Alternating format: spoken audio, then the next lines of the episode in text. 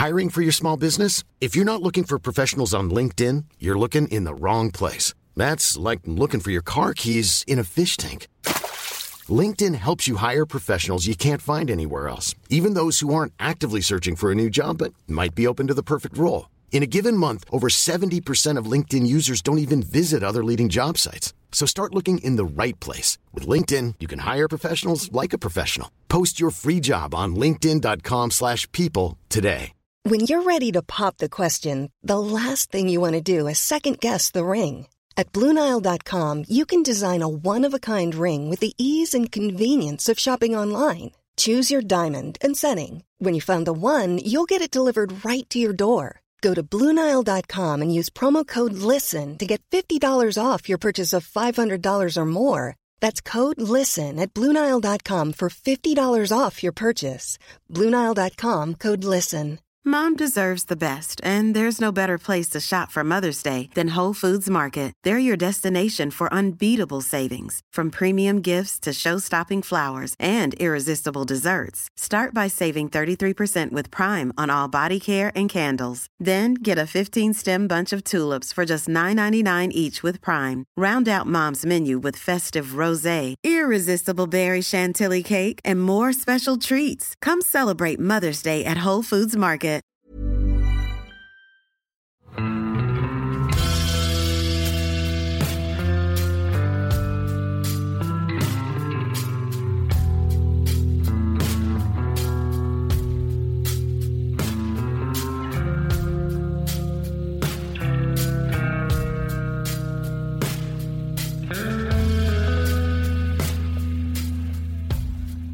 Og velkommen til podkasten Uteliv. Mitt navn er Randulf Valle, og i dag så er jeg definitivt på nærtur. Jeg er ikke helt sikker på eh, hvor jeg er og hvordan jeg skal finne tilbake til der jeg kom fra, men jeg føler meg veldig trygg, for eh, sammen med meg så har jeg Hege og Stine Schulz Heireng, også kjent som tursøstre. og dere kan vel love at dere hjelper meg med å finne veien tilbake til T-banestasjonen etterpå?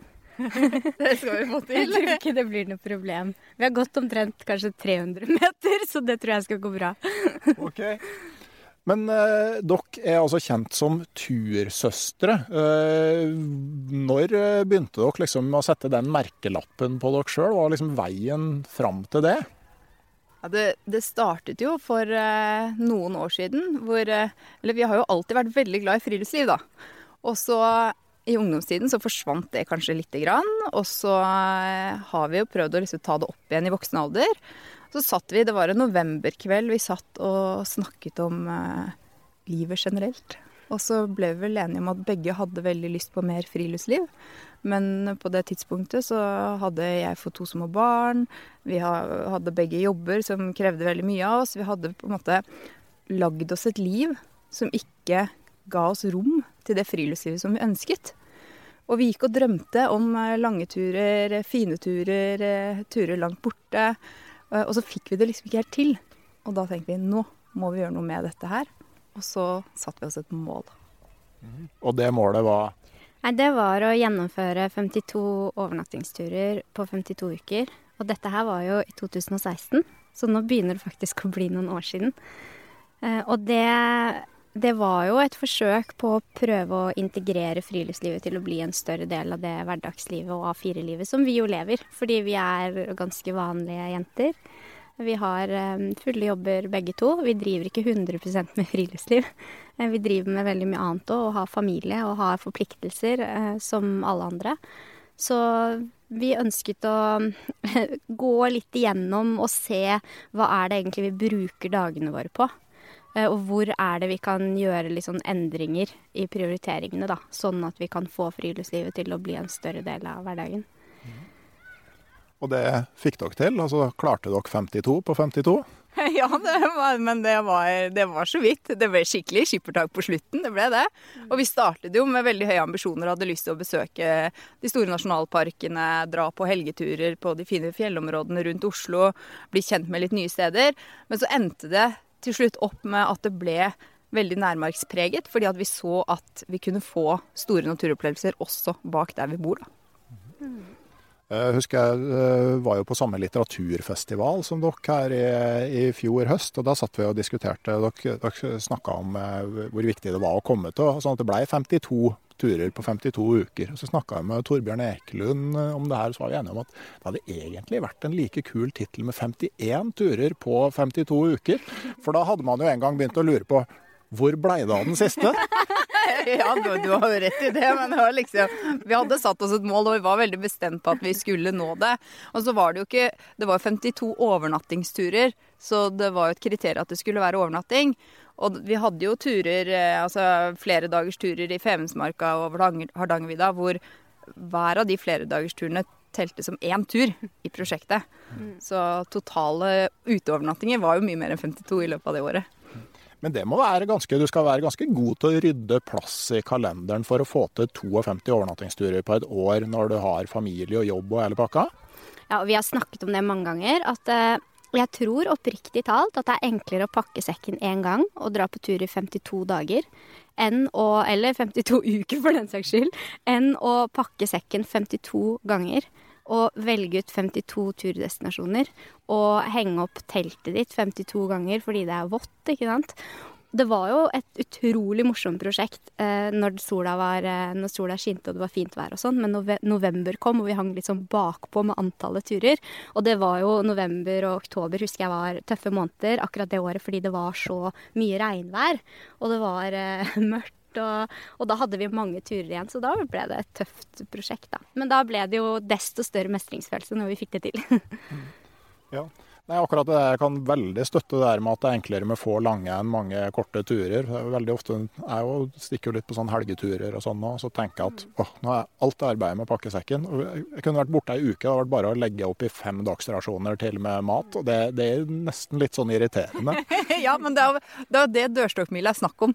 Det, du passerer dørstokken én gang på de lange turene, og så passerer du den utallige ganger på de korte turene. Og Det er kanskje det som gjør det litt interessant med nærmarksliv også. Fordi at eh, dørstokken er jo der uansett om du skal på en kort eller lang tur. Så du må ta den kampen hver gang. Men eh, på de korte turene så får du jo kjempemye igjen for det.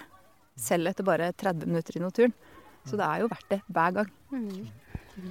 Men dere er ute med ny bok nå kortreist 70 fine hengekøyeturer fra Norges 15 største byer. Uh, og uh, da er det de uh, dags, eller sånn korte overnattingsturene i nærmiljøet. Men jeg tenker på først, altså hva er det man tjener på ved å ta overnattingstur i stedet for å komme igjen samme kveld? Åh, det er en enormt stor forskjell. Fordi du gjør plassen litt til din. Og du får oppleve solnedgangen, og du får oppleve soloppgangen. Og kanskje får du nærkontakt med dyrelivet, og du får se stjernehimmelen over deg.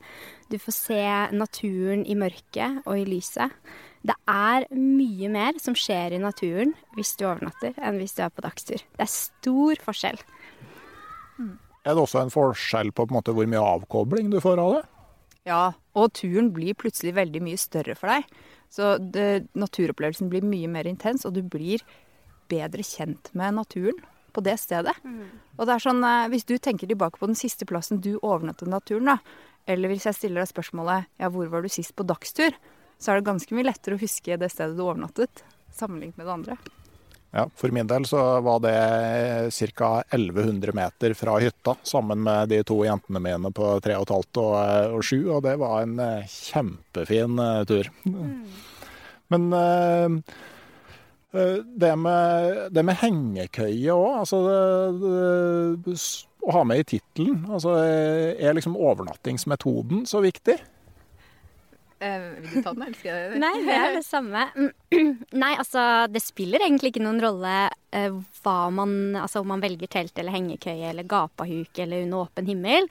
Uh, men det som er faktum, da, er at rundt Norges 15 største byer så er det ganske mye kupert terreng. Eh, det er mye koller, eh, det er mye mm, natur hvor det egner seg å sove i hengekøye, men hvor det ikke egner seg å sove i telt. Eh, så vi har på en måte tatt oss litt den friheten. At vi har tenkt at hvis vi um, tar med hengekøyeturer, så vil vi kunne overnatte enda flere plasser enn hvis vi bare har telt. Da. Men boken inneholder mange turer både i telt og i hengekøye. Men nå, når man velger Norges 15 største byer, altså hvordan, hvordan kom dere fram til måte, den begrensninga? Ja, vi eh, lærte jo det i løpet av eh, prosjektet vårt 52 turer på 52 uker. At nærmarkslivet og den kortreiste naturen var ufattelig fin. Og så tenkte vi det Gjelder det bare for denne byen? Eller gjelder det også for alle byene, alle de store byene i Norge? Og så satte vi oss ned og så begynte vi å titte litt, og så så vi jo det at alle de store byene i Norge ligger ved en fjord eller ved et elveløp. Alle byene har skogkledde partier. De har koller med utsikt. Og så tenkte vi da må det jo finnes akkurat like fin natur rundt alle de byene der hvor det bor mange. Og så begynte vi å utforske dette her, da. Ja, for jeg tenker, men Når man binder seg til at det skal være de 15 største, f.eks., så jeg tenker eh, altså, Da forsvinner jo Tromsø, f.eks. Hadde dere noen sånne på en måte dilemmaer? Eh, altså sånn, ja, Molde og Tromsø f.eks. blir borte, som jeg tenker altså, Jeg bor jo i Trondheim, og de trønderne som hater Molde by. Eh, det er jo kampropet der. Jeg tenker De har aldri vært på, på Varden. Det er greit nok at de ikke liker fotballaget, altså, men eh, utsikten der Og så var det noen sånne Og dere tenkte at skal vi gjøre om på det her, så vi får med noen sånne personlige favoritter? det, eh, altså, det, er jo veldig morsomt at du spør, fordi det, du har jo helt rett. Vi har jo også snust på flere byer enn de som vi har valgt. Og grunnen til at vi har valgt akkurat de 15, det er jo fordi det var de 15 øverste på Statistisk sentralbyrås liste over de 15 største byene i Norge. Og så har jo vi vært veldig fristet til å dra andre steder også, men eh, vi har rett og slett ikke hatt tid i denne runden her til å gå enda videre ned, da. Så da ble det strek på de 15. Ja, for Det er jo sånne, der, sånne, oversiktsbøker over turer i Norge. Jeg tar jo på meg den oppgaven med å være krenka på vegne av Nord-Norge. ikke sant? Det, for det er jo Eh, liksom veldig mye sånn Norges beste-serier og sånn, hvor ting stopper der jeg mener indrefileten begynner. men, men da, da, kan du jo på en måte si at uh, der er indrefileten. Og der er det kanskje ikke så vanskelig å finne de perlene heller. Så kanskje ikke de trenger like mye hjelp som de som bor lenger sør i landet. Det kan hende at det er større behov for å vise folk de fine mulighetene lenger sør, enn der hvor du har helt spektakulær natur rett utenfor døra di. Jeg tror eh, i podkasten Uteliv så er det pallplass på beste svar så langt. Så jeg er imponert. Men eh, når man så skal gå videre og begynne å velge de enkelt, altså velge ut 70 turer fra 15 destinasjoner, altså tar man eh, da bare toget eller flyet og reiser dit, og så stikker fingeren i lufta og begynner å gå i en retning, og så etter man finner noe fint? Nei, Da ligger et eh, enormt researcharbeid bak, da. Vi har sittet med enorme kart over alle naturområdene rundt byene.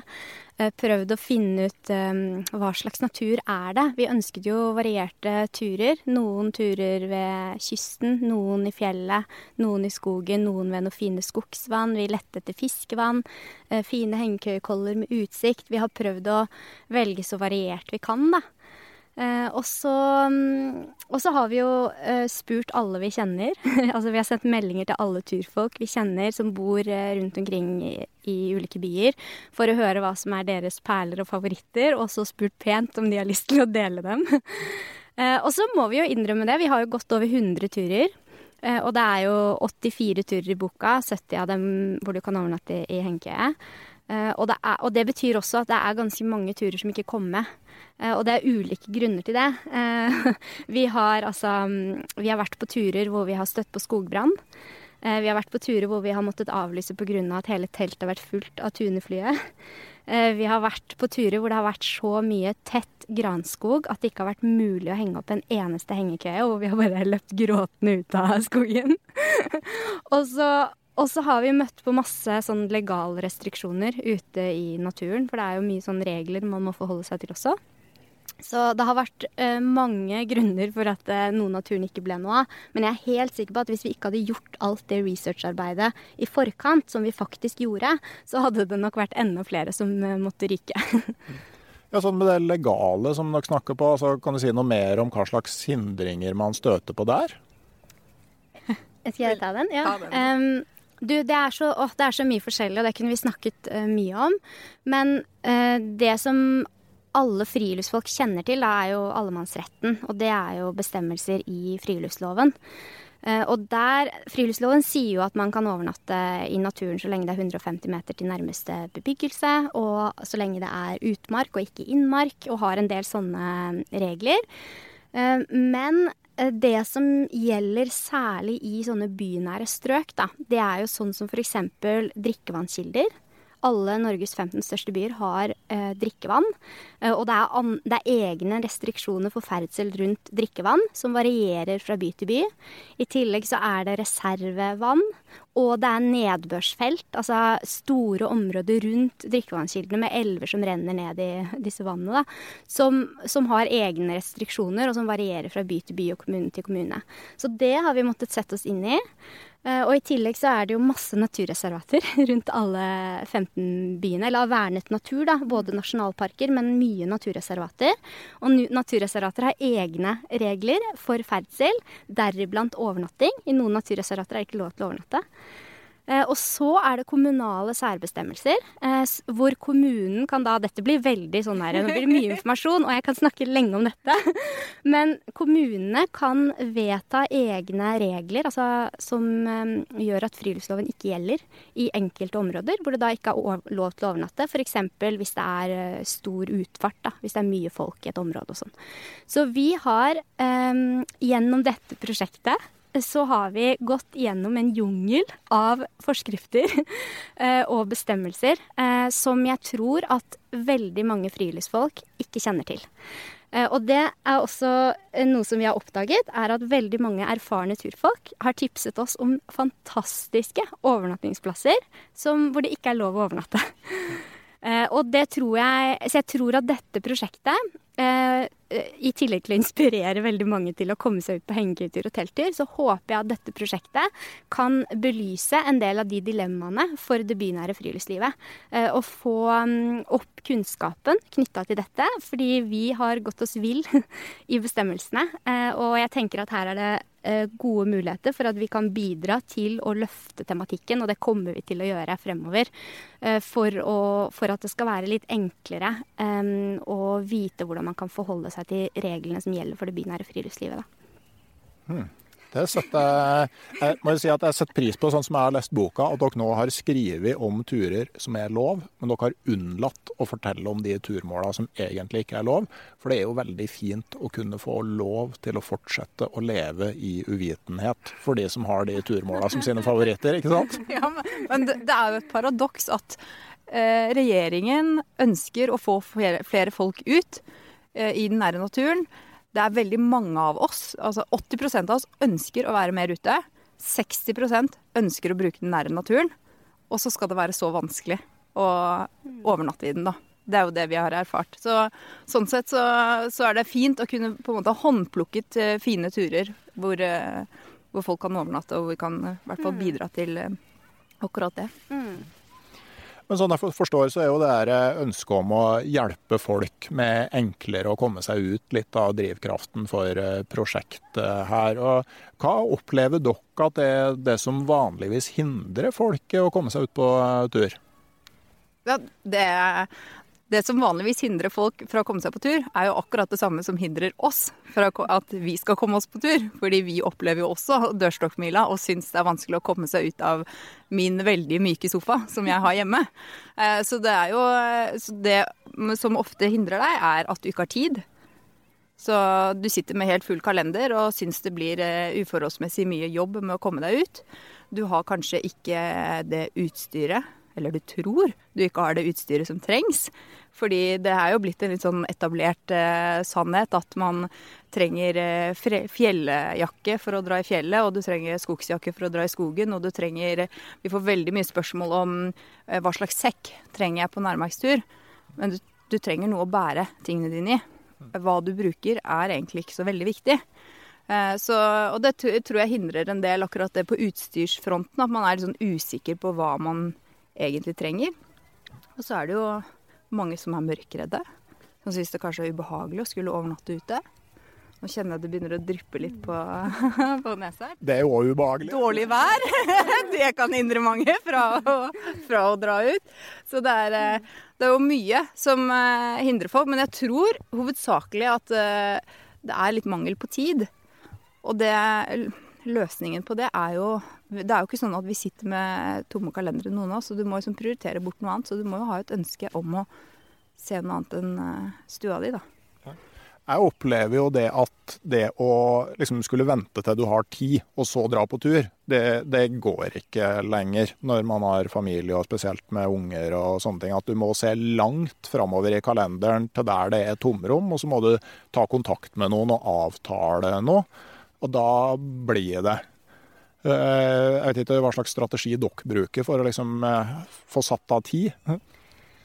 Nei, en, et godt tips er jo for det første å um, sette det inn i kalenderen, sånn som du sier, da. Og kanskje avtale med venner eller familie at man skal på tur, for da blir det ofte noe av. Uh, og så er det noe med det å um, kanskje pakke sekken en dag i forveien. Uh, planlegge litt i forveien, sånn at du har en god plan. Uh, og vi har jo veldig Det har vært en suksess ryddet i boden, f.eks. For, for å få friluftsutstyret foran julepynten og en del av de andre tingene som er i boden. Så man kan jo gjøre en del sånne ganske enkle tiltak som gjør at det er litt eh, Ja, dørstokken blir litt eh, lavere, da. Jeg har hatt en sånn mangeårig plan om å pakke meg en sånn escape-sekk som skal stå klar med alt jeg trenger. Sånn at det bare er å springe ut akkurat når man føler for det. Eh, Det har vært en plan i jeg tror det begynner å nærme seg ti år, men det, kanskje det skjer i år.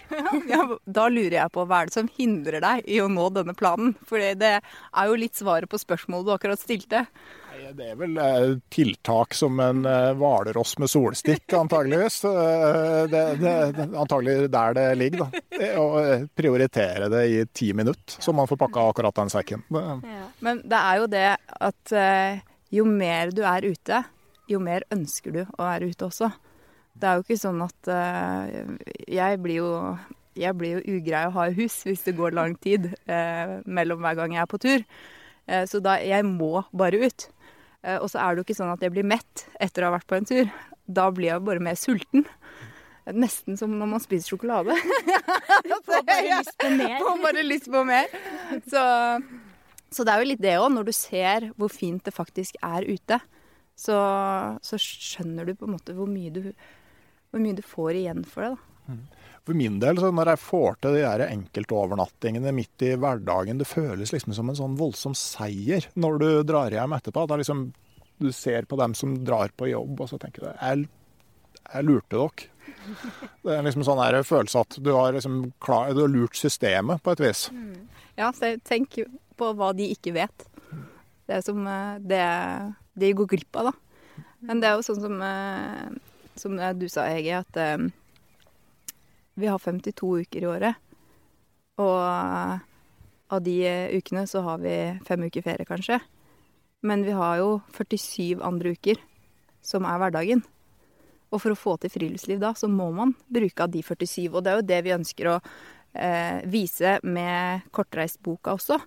At de 47 ukene, de kan du fylle med fine, korte turer. Er veldig, veldig veldig bra. Men jeg er litt nysgjerrig på de hengekøyene. For at eh, jeg må innrømme jeg aldri sovet i eh, hengekøye i det hele tatt. Og jeg må innrømme at jeg har aldri helt sett poenget med det. Altså, Hvorfor skal man liksom henge og dingle fra et tre når man kan eh, legge seg i teltet? Kan dere si litt mer om det her? Jeg gleder meg til til å vise deg. Da. Det er jo kjempefint. Det er egentlig veldig gøy at du er litt sånn skeptisk. Det er bra. Det er bra. Men det er, eh, du sier litt om det, kanskje? Ja, men hengekøye er jo det er jo, For det første er det superkomfortabelt å ligge i. Det er jo utrolig behagelig. Og så er det jo som å overnatte under åpen himmel. Fordi du har jo ikke teltduken over deg, eller tarpen over deg, i hvert fall hvis det er fint vær. Eh, Da titter du opp i trekronene, og så har du stjernehimmelen over deg. Og hvis det kommer noe rådyr eller hopper et ekorn fra tre til tre, så får du det med deg fra køya, da. Du har en sånn inderlig nærhet til naturen når du sover i hengekøye, syns jeg, da, sammenlignet med når man sover i telt. Og så er det jo mm, Hengekøye er lett i vekt. Det tar liten plass i sekken. Eh, Og så har det jo kommet nå ganske mange avanserte hengekøyemodeller som gjør at eh, jeg mener at det er på nivå med et telt, da. Ok, Kan dere vise meg, kanskje? Ja, selvfølgelig. Ja.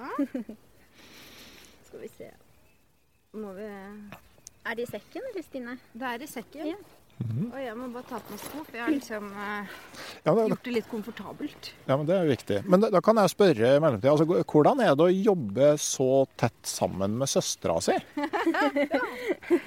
Det er kjempegøy! Ja, det mener jeg. Det er skikkelig, skikkelig morsomt. Og jeg er så utrolig takknemlig for at eh, vi har gått fra å være søstre til å også bli kolleger. Kollegaer. og så har det funka så bra. Fordi eh, vi brenner like mye for det begge to. Så, og så er det jo klart Nå nå er det jo storesøster som sitter og lovpriser hvor fint det her har funka. Jeg, jeg, jeg, Kommer til det! for jeg har to jenter, og det er et, eh, med et visst aldersforskjell, og det er ganske sånn kommandoforhold eh, der, da. Så, så jeg lurer på om eh, kanskje vi må, nesten må sende deg bort for å få en sånn eh, helt ærlig eh, tilbakemelding. Hva sier du? Nei, men jeg må, jeg må bare være enig med Stine, da. Fordi ja, jeg kjenner jeg er så stolt av Stine, og det er så rørende og gøy å få lov til å dele så mange naturopplevelser og dele en sånt engasjement, da. Og hun er jo så lidenskapelig opptatt av friluftsliv, og det er jeg òg. Og det er ingen av oss som går halvveis inn. Begge går liksom inn med hele oss, da. Så jeg tror nok at hvis én hadde vært hakket mer engasjert enn den andre, så kunne det kanskje på en måte skapt noen gnisninger eller noe, men det gjør ikke det. Men det er klart, vi er jo ikke, vi er ikke like. Altså, vi er jo forskjellige, selv om folk tar litt sånn De ser ikke forskjell på oss og sånn, eller vet ikke hvem som er Stine og hvem som er Hege. Så, så er vi jo ikke helt like. Og jeg er nok mer Hvis man titter ned i sekken min i dag og ned i Stine sin, så er jeg helt sikker på at Stine din er mer rotete, f.eks. Men Stine er enda bedre på å navigere enn meg, f.eks. Så hun er ofte helt rå på alt som har med navigasjon og sånn. Og, og du er litt sånn Har ofte glemt ting og sånn. Mens jeg kan være litt sånn vimsete med retning og Så jeg føler at vi utfyller hverandre ganske bra, da. Ja, det gjør vi. Men så har det, det har vært et ekstremt krevende prosjekt, dette her, som har pusha grensene våre. Eh, og det er jo klart at da blir det jo Vi har jo jeg vet ikke om jeg kan kalle det diskusjoner, men det er sånn vi er nødt til å komme til enighet i ting. og Jeg ønsker å løse det på én måte, Hege ønsker kanskje å løse noe på en annen måte. Vi diskuterer hvilke turer vi skal på. Og det er Det krever veldig mye samarbeid fra begge sider for å få dette her i havn. Da, for det, det har absolutt ikke vært noen walk in the park. Og så har det jo vært sånn i det turprosjektet her også at eh, når du skal legge ut på 100 turer eh, nær Norges 15 største byer, så har du utrolig mange turer foran deg. Så det vi så oss nødt for å gjøre, var å splitte oss litt opp. Så vi har jo eh, vi har vært i alle byene begge to, men vi har ikke vært på alle turene begge to. Eh, Sånn at eh, enkelte turer så har jo f.eks. Stine reist av gårde, og så har jeg vært litt sånn på headquarter, da, eller sittet til, tilbake og hatt tilgang til internett og, og hatt kontroll på hvor Stine har vært til enhver tid. Og så kan hun ringe meg da sånn på kvelden og si Hege, jeg klarer ikke å finne frem, og nå er jeg på en kolle, og det er helt mørkt, og jeg ser ingenting, og jeg har mistet stien. Og så sier jeg ja, OK, hvor er det du er? Og så går jeg inn på kartet, og så prøver jeg å finne ut hvor Stine er. Og så sier jeg sånn ja, men Stine, ser du, hvis du går lenger til høyre, så finner du en furukledd kolle. Akkurat nå er du midt i en granskog, men hvis du går litt lenger mot øst, så finner du en furukledd kolle. Og så vi har jo samarbeida utrolig bra i, om prosjektet, selv om vi har vært på forskjellige turer også. Ja. Høres jo nesten ut som en sånn militær operasjon. Eh, sn- Snakker dere i kode òg, sånn at ingen skal Nei, men vet du hva, det må jeg bare si sånne der graneplantasjer, det er helt krise å drive og surre seg inn i. Det er bare Det har vært mye av det, altså. Ja, det, det har vært eh, noen sånne eh, gran... Altså ufattelig tette granskoger, ikke naturlig eh, vokst i det hele tatt, som bare det, det egner seg kanskje fint for elgen å gjemme seg inn i, men det er ikke min favoritt, da, for å si det sånn. Jeg har et minne fra et sånn gammelt skog, eller et nytt skogbrannfelt øst for Store Slavesjø i Canada. Jeg tror kanskje du får sånn der 30 cm mellomrom mellom stammene, og så er de sånn 4-5 cm tjukke. Og det er sånn du kan faktisk sette deg fast inni. Så ille har det ikke vært. Ingen har satt seg fast ennå. So far, so good. Men nå har dere funnet fram to hengekøyer her. Den ene var så veldig lett og liten ut i nedpakka tilstand. Det likte jeg. Dette her er jo en, eh, det vi kaller en samlehengekøye fra et norskprodusert eh, leverandør som heter Amok. De har ikke så veldig mange køyer, faktisk ganske få, men de er utrolig gode og solide. Og den, sånne samlehengekøyer de kjennetegnes av at de har alt stoffet samlet i enden. I to ender. Mens rammehengekøyer de har gjerne noen stenger som gjør at du kan spenne ut køya. Så det er en litt annen type køye, da. Og så har du en del hengekøyer som er litt mer sånn hybridvarianter. Men dette her er jo en sånn typisk hengekøye som man har sett henge i hager og på strender og rundt omkring i det ganske land eh, i, i hvert fall mye fjor sommer, og sikkert kommer det opp i år også. Så dette er ganske enkle hengekøyer eh, som er lett i stoffet og enkle å bære med seg, og som det tar bare et par minutter å henge opp. Er du klar for å prøve? Ja, hvis jeg tør. Uh... Hvis du tør. Skal vi ta kanskje mellom her, eller Hege? Så du får litt grei bue på den. Ah, to fine furuer. Ja. Mm -hmm. Furu er favoritten, vet du. Ja, det er koselig tre, det. Ja, altså furu er det min def, altså mitt definitive favorittre. Kanskje ved siden av lerk, som jeg også liker veldig godt. Ja, det var bare å tre en eh, reim gjennom en karabinkrok, og dette var det. Ja, det er ikke verre. Begynner du å bli litt uh, mer positivt innstilt? ja, for jeg må innrømme at liksom å blåse opp de der uh, tjukke, oppblåsbare liggeunderlagene som man har nå, det, hvor du liksom kjenner at det flimrer for øya på slutten av oksygenmangel, det, det, det, det er lei. Å sette opp telt er jo noe som jeg etter hvert har begynt å synes er forferdelig kjedelig. Så kanskje. Ja, det er jo Disse hengekøyene er jo et fint alternativ til til enpersonstelt òg, hvis du er mye på tur alene. Så For det Da går det an å få seg litt mer sånn tekniske løsninger. Men har du klar deg borte, Hege? Ja, du må stramme litt på den siden. Ja, du må slakke litt på den siden. Å ja, du vil ha den lenger ned. Se, nå hørte du hva jeg som bestemte. ja, det jeg trodde. Så justerer vi litt i ja. endene her, sånn at vi får en litt sånn slak og fin bue på den. Men det, Du var veldig rask til å sette opp, men jeg syns det virker som en sånn slu konstruksjon som bare vipper deg ut i det du prøver å legge deg oppi. Ja. men nå skal du få lov til å prøve. Mm. Da står du bare ved siden av, okay. og så setter du deg oppi. Man kan kanskje få prøve uten først, prøve uten? Ja. så ikke det blir så mye så det ikke blir for mye for den. Ja, Kanskje Hege kan eh, holde mikrofonen her, da. Så. Det kan jeg gjøre. Hege ser litt sånn Oi! Ja ja, kanskje. Kanskje. Du er jo, du er jo litt grann lang. Ja. Så for sånne som deg Jeg trodde du skulle si at jeg var så sykt breiskuldra. du er jo litt grann breiskuldra. Nei, men du er jo ganske lang. Så ja. for deg så er det en fordel å kanskje få en av de sånn litt lengre variantene. Jeg syns egentlig det her var ganske komfortabelt, faktisk. Og siden du er litt breiskuldra, så blir det også litt press da, på skuldrene her oppe. Det som er lurt da når du ligger i hengekøye, for du merker jo nå at du ligger litt opp med hodet og litt opp med bena, mm. det er å plassere begge bena ut på siden her. Ok. Mm. Og så kan du, hvis du tør, da, så kan du legge hodet, legge hele kropp, overkroppen litt lenger ut her. Er det det her som jeg, jeg så en terminologi i boka deres, diagonalsoving? Ja. Dette er diagonalsoving, men nå prøver vi å putte en ganske stor mann da, i en eh, ikke så stor hengekøye. så diagonalsovingen blir ikke helt optimal. Men kjenner du at du liksom kan sove litt mer ja, hadde, flatere nå? Jeg tror, jeg tror, jeg skal klart å sove her. Ja. Det, det, I hvert fall hvis noen sto og vogga meg.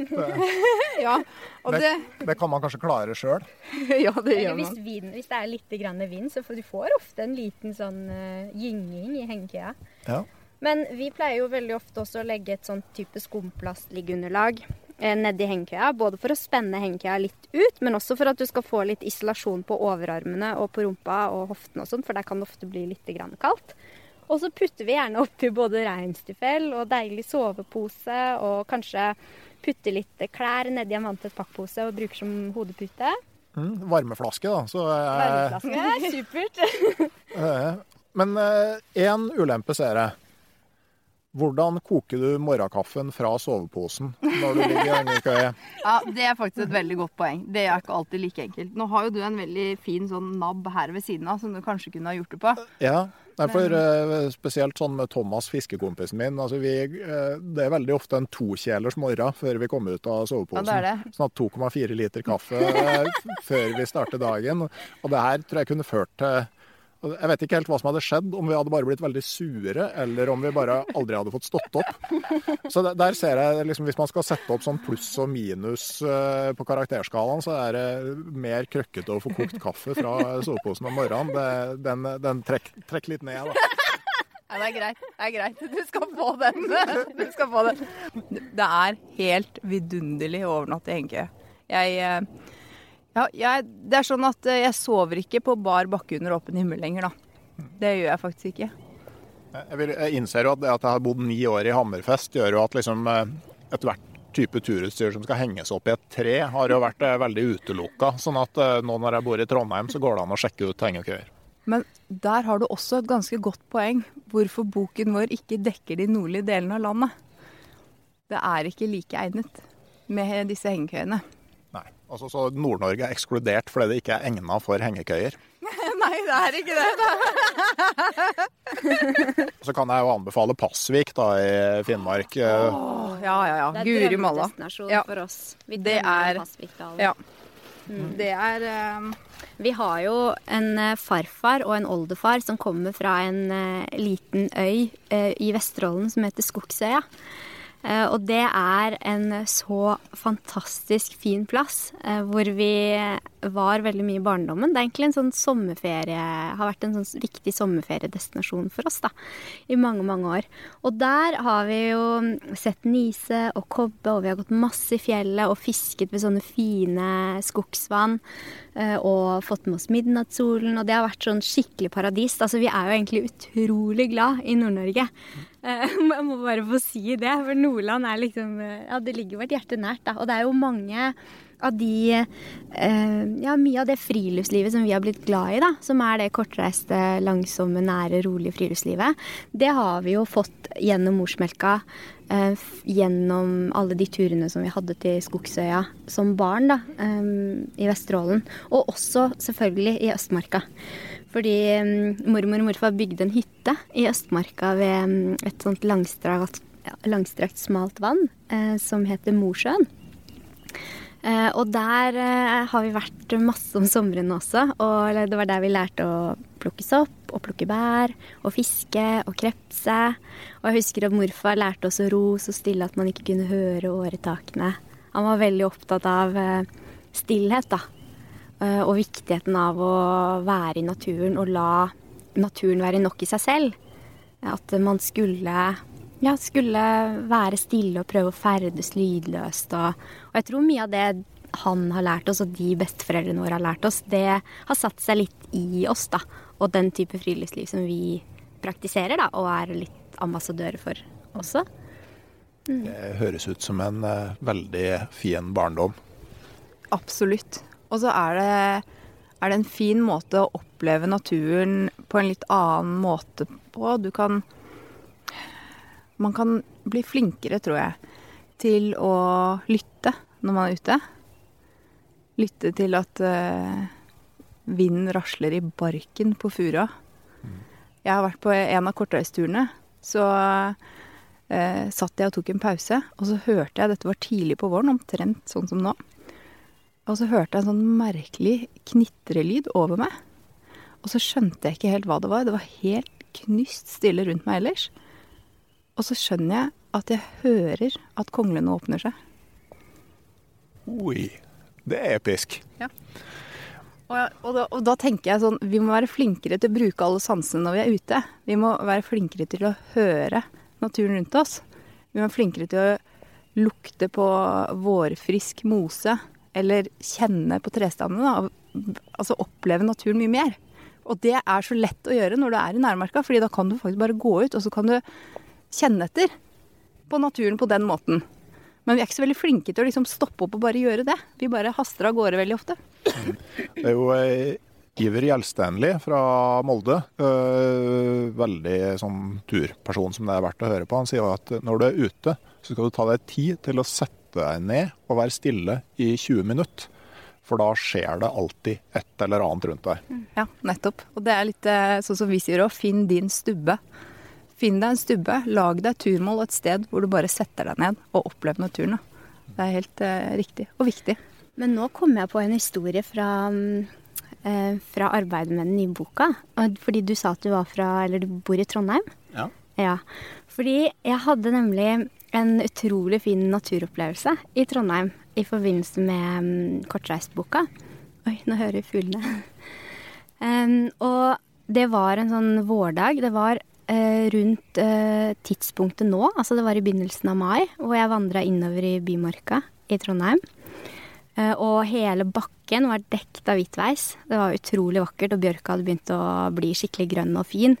Eh, og så fant jeg en sånn fin hengekøyeplass ved en mur. Nei, ved en mur. ved, en, ved en myr. Ja, det var en kjempefin mur. Det er jo eh, Noe av det jeg alltid imponeres over, er jo faktisk det fine arbeidet som folk gjorde i gamle dager. Så jeg har sett eh, bl.a. en eh, elveforbygningsmur på Finnkongkjeila i Finnmark. Som jeg bare ble, både jeg og pappa ble gående og se på med tårer i øya over det arbeidet som de hadde gjort for eh, over 100 år siden. Ja, så, Den henta du veldig bra, henta du veldig bra inn. så jeg kunne finne på å slå leir ved en fin mur. Ja, og det er sikkert noen murer også rundt i det området der, men det var en myr i dette tilfellet, da. Eh, Men det var, altså det er et sånt område i Bymarka hvor det var masse flotte furutrær. Eh, Og så la jeg meg i hengekøya eh, på kvelden og våknet i firetiden på morgenen. Og hører at det korrer og svosjer rundt hengekøya. Og skjønner først ikke hva det er for noe. Og jeg tenker at jeg drømmer. Og så fortsetter det. eh, Og så hadde jeg verken tarp eller eh, myggnetting over køya den natta. Så jeg bare titter liksom forsiktig opp med hodet og ser rundt meg, og da er det masse orrhaner som jager hverandre rundt omkring på myra. eh, I sin flotteste vårlige fjærdrakt. Og jeg var da midt i en leik, orrfuglleik, og det var et sånt magisk øyeblikk, og helt sånn sjokkerende nesten. Fordi folk leter hele livet etter fine spillplasser. Eh, Og plutselig så våknet jeg bare opp igjen i Bymarka i Trondheim. Og jeg tror at en av grunnene for at det skjedde, er jo fordi vi har eh, overnattet på så mange nye plasser. Og vi har ikke latt eh, bare folks tips på en måte guide oss. Vi har prøvd å finne egne turdestinasjoner selv også. Eh, nå regner det faktisk eh, ganske mye, så det kan hende vi skal ta opp tarpen. Men det var et magisk øyeblikk, og det var i eh, din eh, nære natur, da. Ja. Det- En annen ting som er litt morsomt, er at en av turene dere har valgt i Trondheim, eh, til Herbernsdammen, det er egentlig den hemmelige turen til Bengt Rotmo og meg. Er det sant? Det var eh, spesielt Bengt overnatta veldig mye i Bymarka. Han er jo fra Verdalen og jobba i Trondheim en periode og bodde mye i telt. Og og jeg var en del med òg. Vi dro opp om kvelden og så ned igjen på jobb etterpå. Det var nesten alltid dit vi dro. Men du, det er jo en helt fantastisk turdestinasjon. Det er jo et nydelig vann og et fantastisk flott eh, skogsområde med mye fine furutrær. Eh, og vi hadde med mamma dit, og mamma sov i hengekøye for første gang. Og syntes det var kjempe Ja, hun hadde ikke sovet veldig godt, men hun var villig til å prøve det igjen. men det er en fantastisk fin turdestinasjon. Mm. Nå henger jeg opp tarpen, Ja. så vi får litt eh, lys. Da begynner regnet å tilta litt her, og vi har fått opp en eh, tarp. eh, så en liten presenning. Det er rart hvordan vi tar de der engelske ordene. Altså, eh, vi har presenning, men nå sier alle tarp. Men ja, dere har jo da blåst Herburndammen for, for Bengt og meg. Det, det er jo til å, leve med. Men, men har dere fått noen reaksjoner på liksom at dere publiserer eh, ting som eh, noen kanskje ville ha i fred? Ja, ja, vi har jo fått det nå, da. Dette er første gangen. Nei, men jeg, jeg sover godt om natta eh, likevel, altså. Fordi sånn som i Trondheim så har vi jo Det er vel seks-syv turer fra Trondheim som vi beskriver i boka. Og det er jo hundrevis av nydelig vann og fine koller. Og det er jo, vi har snakket om det, Stine, at det er ganske interessant hvordan folk i ferier og i helger så er folk så kreative og reiser av gårde og til nye turdestinasjoner eh, hver gang. Og hvis du var i Jotunheim i fjor eller til Hardangervidda i år og Men når det kommer til det der hverdagsfriluftslivet, så går vi veldig ofte tilbake til det samme vannet hver gang. Eller den samme kollen. Litt sånn som at vi går på butikken og handler på Kiwi eller istedenfor Rema eller Og det fordi det er litt sånn Friluftslivet vårt kan også bli litt rutinebasert, da. Eh, så jeg tenker jo at det er et godt tips at eh, hvis man har vært eh, og overnattet mye ved ett vann, så kanskje man kan prøve å titte på kartet og se om det er noen andre vann i nærheten, og prøve de isteden. Det er jo veldig mange vann i, mm, i Bymarka i Trondheim f.eks. som er frigitt som tidligere var drikkevannskilder, og som nå er åpnet for ferdsel og overnatting.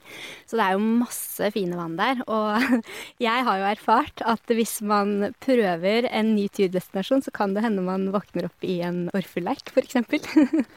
Veldig godt poeng. Men tror du òg kanskje at når folk har sånne de der nærturdestinasjonene, at det kanskje òg er et tegn på at det er avbrekket fra hverdagen mer enn akkurat det stedet du kommer til, som er det viktige? Ja, det er nok absolutt det. At man eh, trenger heller eh, pause fra noe enn nødvendigvis eh, den destinasjonen man skal til. Og så er det jo sånn at i hvert fall når jeg er på tur og er et fint sted og får en kjempeopplevelse der, så tenker jeg dette unner jeg andre å oppleve. Og så sitter det jo mange hjemme som kanskje ikke helt vet hvor man skal dra. Og, og da er det veldig fint å kunne dele slike fine steder med dem, sånn at de også kan få de opplevelsene i sitt liv. Og så er det, tror jeg at det er sånn at de som kanskje visste om disse stedene fra før av, de er så erfarne at de kanskje klarer å finne nye plasser å dra på. For det må jo kanskje være et sånn ultimat mål når man lager en sånn bok, at du setter i gang en prosess hvor folk eh, eh i stedet for å besøke alle de 70 destinasjonene, så får man en idé til hvordan man kan eh, finne flere på egen hånd? Mm, ja, det tror jeg absolutt. Og så tror jeg også at vi kanskje kan flytte eh, ferdselen litt også. At kanskje ikke alle drar til sånn som oss over i Hengekøy Grefsenkollen og Vettakollen og sånn, som vi anbefalte i 2016 og sånn, men at man kanskje Ja, at man får spredt folk litt eh, over flere destinasjoner, da. For det er jo typisk at det blir veldig mye folk på de aller mest populære plassene. Så jeg liker jo veldig godt ideen om å ha litt flere valgmuligheter, også for de som ikke vet helt hvor de skal dra på tur, da. Og så uh, uh, skriver vi en del om uh, hvordan man skal opptre når man er på tur i boka. Og vi har lansert noe vi kaller for nær-tur-vettreglene. For å sikre at de som drar på disse plassene, de har en plikt til å rydde opp etter seg. Det skal se bra ut når de drar. Du skal alltid ha med deg søppelpose i sekken. Plukke med deg søpla di sørge for at du tar hensyn til dyrelivet. Så vi prøver jo også å skrive en del om det i boka. For å Vi ønsker jo at de stedene, de fine stedene som vi har skrevet om, skal forbli så fine. Mm. Og det er kanskje eh, veldig viktig med de nærturdestinasjonene som får veldig mye besøk, at det er enda viktigere å være nøye med, med liksom renslighet og være forsiktig med naturen rundt seg. Ja, Absolutt. Det, og det Uansett hvor du ferdes i naturen, så skal du jo ferdes sporløst. Det er jo ikke sånn at det, det er viktigere å gjøre det i nærmarka, men det er jo mange flere folk som beveger seg i den nære naturen. Og da eh, vil det jo vel også nødvendigvis være sånn at det er større behov for at man tar med seg mer søppel hjem enn det man selv har produsert. Det er alltid et uh, veldig godt poeng. Uh, jeg tror vi begynner å nærme oss en, uh, en slutt Eh, her nå. Eh, hvor får man tak i boka deres, og hvor finner man mer informasjon om det dere driver med? Nei, Vi har jo en nettside, da, tursøstre.no, hvor vi legger ut mye tips til overnattingsturer og hva man skal pakke i sekken, og veldig sånn enkle, enkle tips, egentlig. Og så er vi på Instagram og Facebook, og så har vi jo nå denne boken som man i hvert fall får kjøpt på ark, men den kommer veldig i de fleste bokhandlene, vil jeg tro. Du får kjøpt den i alle eh, nettbokhandlene, får du bestilt den. Ja, da tror jeg jeg sier tusen takk til Hege og Stine Schulz Heireng. Eh, vi får finne ut om vi skal sitte litt til under tarpen her og høre på at det regner tromme, eller eh, om vi skal se om vi finner eh, de 300 meterne tilbake til sivilisasjonen. Ja. Tusen takk for at dere stilte opp. Tusen takk til alle dere som hører på, og som hjelper til med å spre ordet om podkasten Uteliv på et vis eller et annet. Da sier vi takk for oss, og så går det ei uke til neste episode.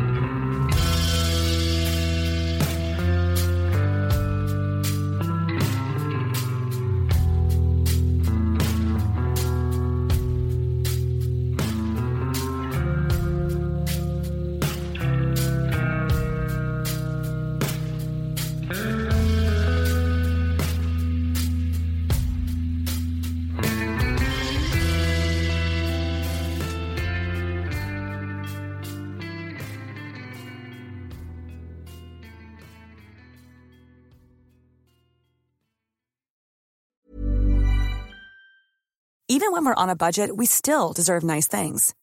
Quince is a place to scoop up stunning high-end goods for 50 to 80% less than similar brands. They have buttery soft cashmere sweaters starting at $50, luxurious Italian leather bags, and so much more. Plus, Quince only works with factories that use safe, ethical, and responsible manufacturing. Get the high-end goods you'll love without the high price tag with Quince. Go to quince.com slash style for free shipping and 365-day returns. Mom deserves the best, and there's no better place to shop for Mother's Day than Whole Foods Market. They're your destination for unbeatable savings, from premium gifts to show-stopping flowers and irresistible desserts. Start by saving 33% with Prime on all body care and candles. Then get a 15-stem bunch of tulips for just $9.99 each with Prime. Round out Mom's menu with festive rosé, irresistible berry chantilly cake, and more special treats. Come celebrate Mother's Day at Whole Foods Market. When you make decisions for your company, you look for the no brainers. If you have a lot of mailing to do, stamps.com is the ultimate no brainer. Use the stamps.com mobile app to mail everything you need to keep your business running with up to 89% off USPS and UPS. Make the same no brainer decision as over 1 million other businesses with stamps.com. Use code PROGRAM for a special offer. That's stamps.com code PROGRAM. Hei, jeg heter Nore Helligsen og er daglig leder i Barents Outdoor. Det beste vi kan gjøre for planeten, er å redusere forbruket vårt og få mer ut av det utstyret vi allerede har. Men vi vet av erfaring at bruken av telt kan endre seg over tid. Det teltet du kjøpte for to år siden, passer kanskje ikke det behovet du har i dag. Derfor har vi i Barents etablert en egen panteordning der vi tar imot brukte telt av god kvalitet i innbytte når du kjøper et nytt av oss. Prosessen er enkel. På barentsoutdoor.no gir du oss informasjon om teltet du vil bytte inn. Basert på det får du et tilbud fra oss som gir deg rabatt på ditt neste Barentsprodukt. Mer info og betingelser finner du på barentsoutdoor.no. Og husk at den første reparasjonen på produkter fra Barents er alltid gratis.